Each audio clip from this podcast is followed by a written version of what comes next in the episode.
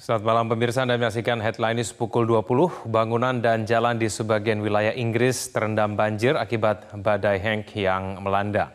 Rekaman udara menunjukkan banjir besar melanda kota-kota besar dan kecil di Nottinghamshire, Worcestershire, dan Yorkshire.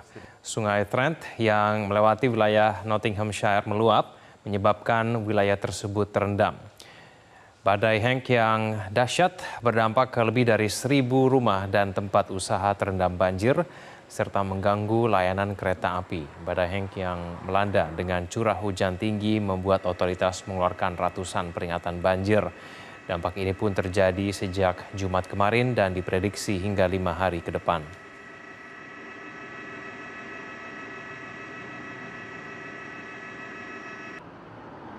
Jelajahi cara baru mendapatkan informasi. Download Metro TV Extend sekarang.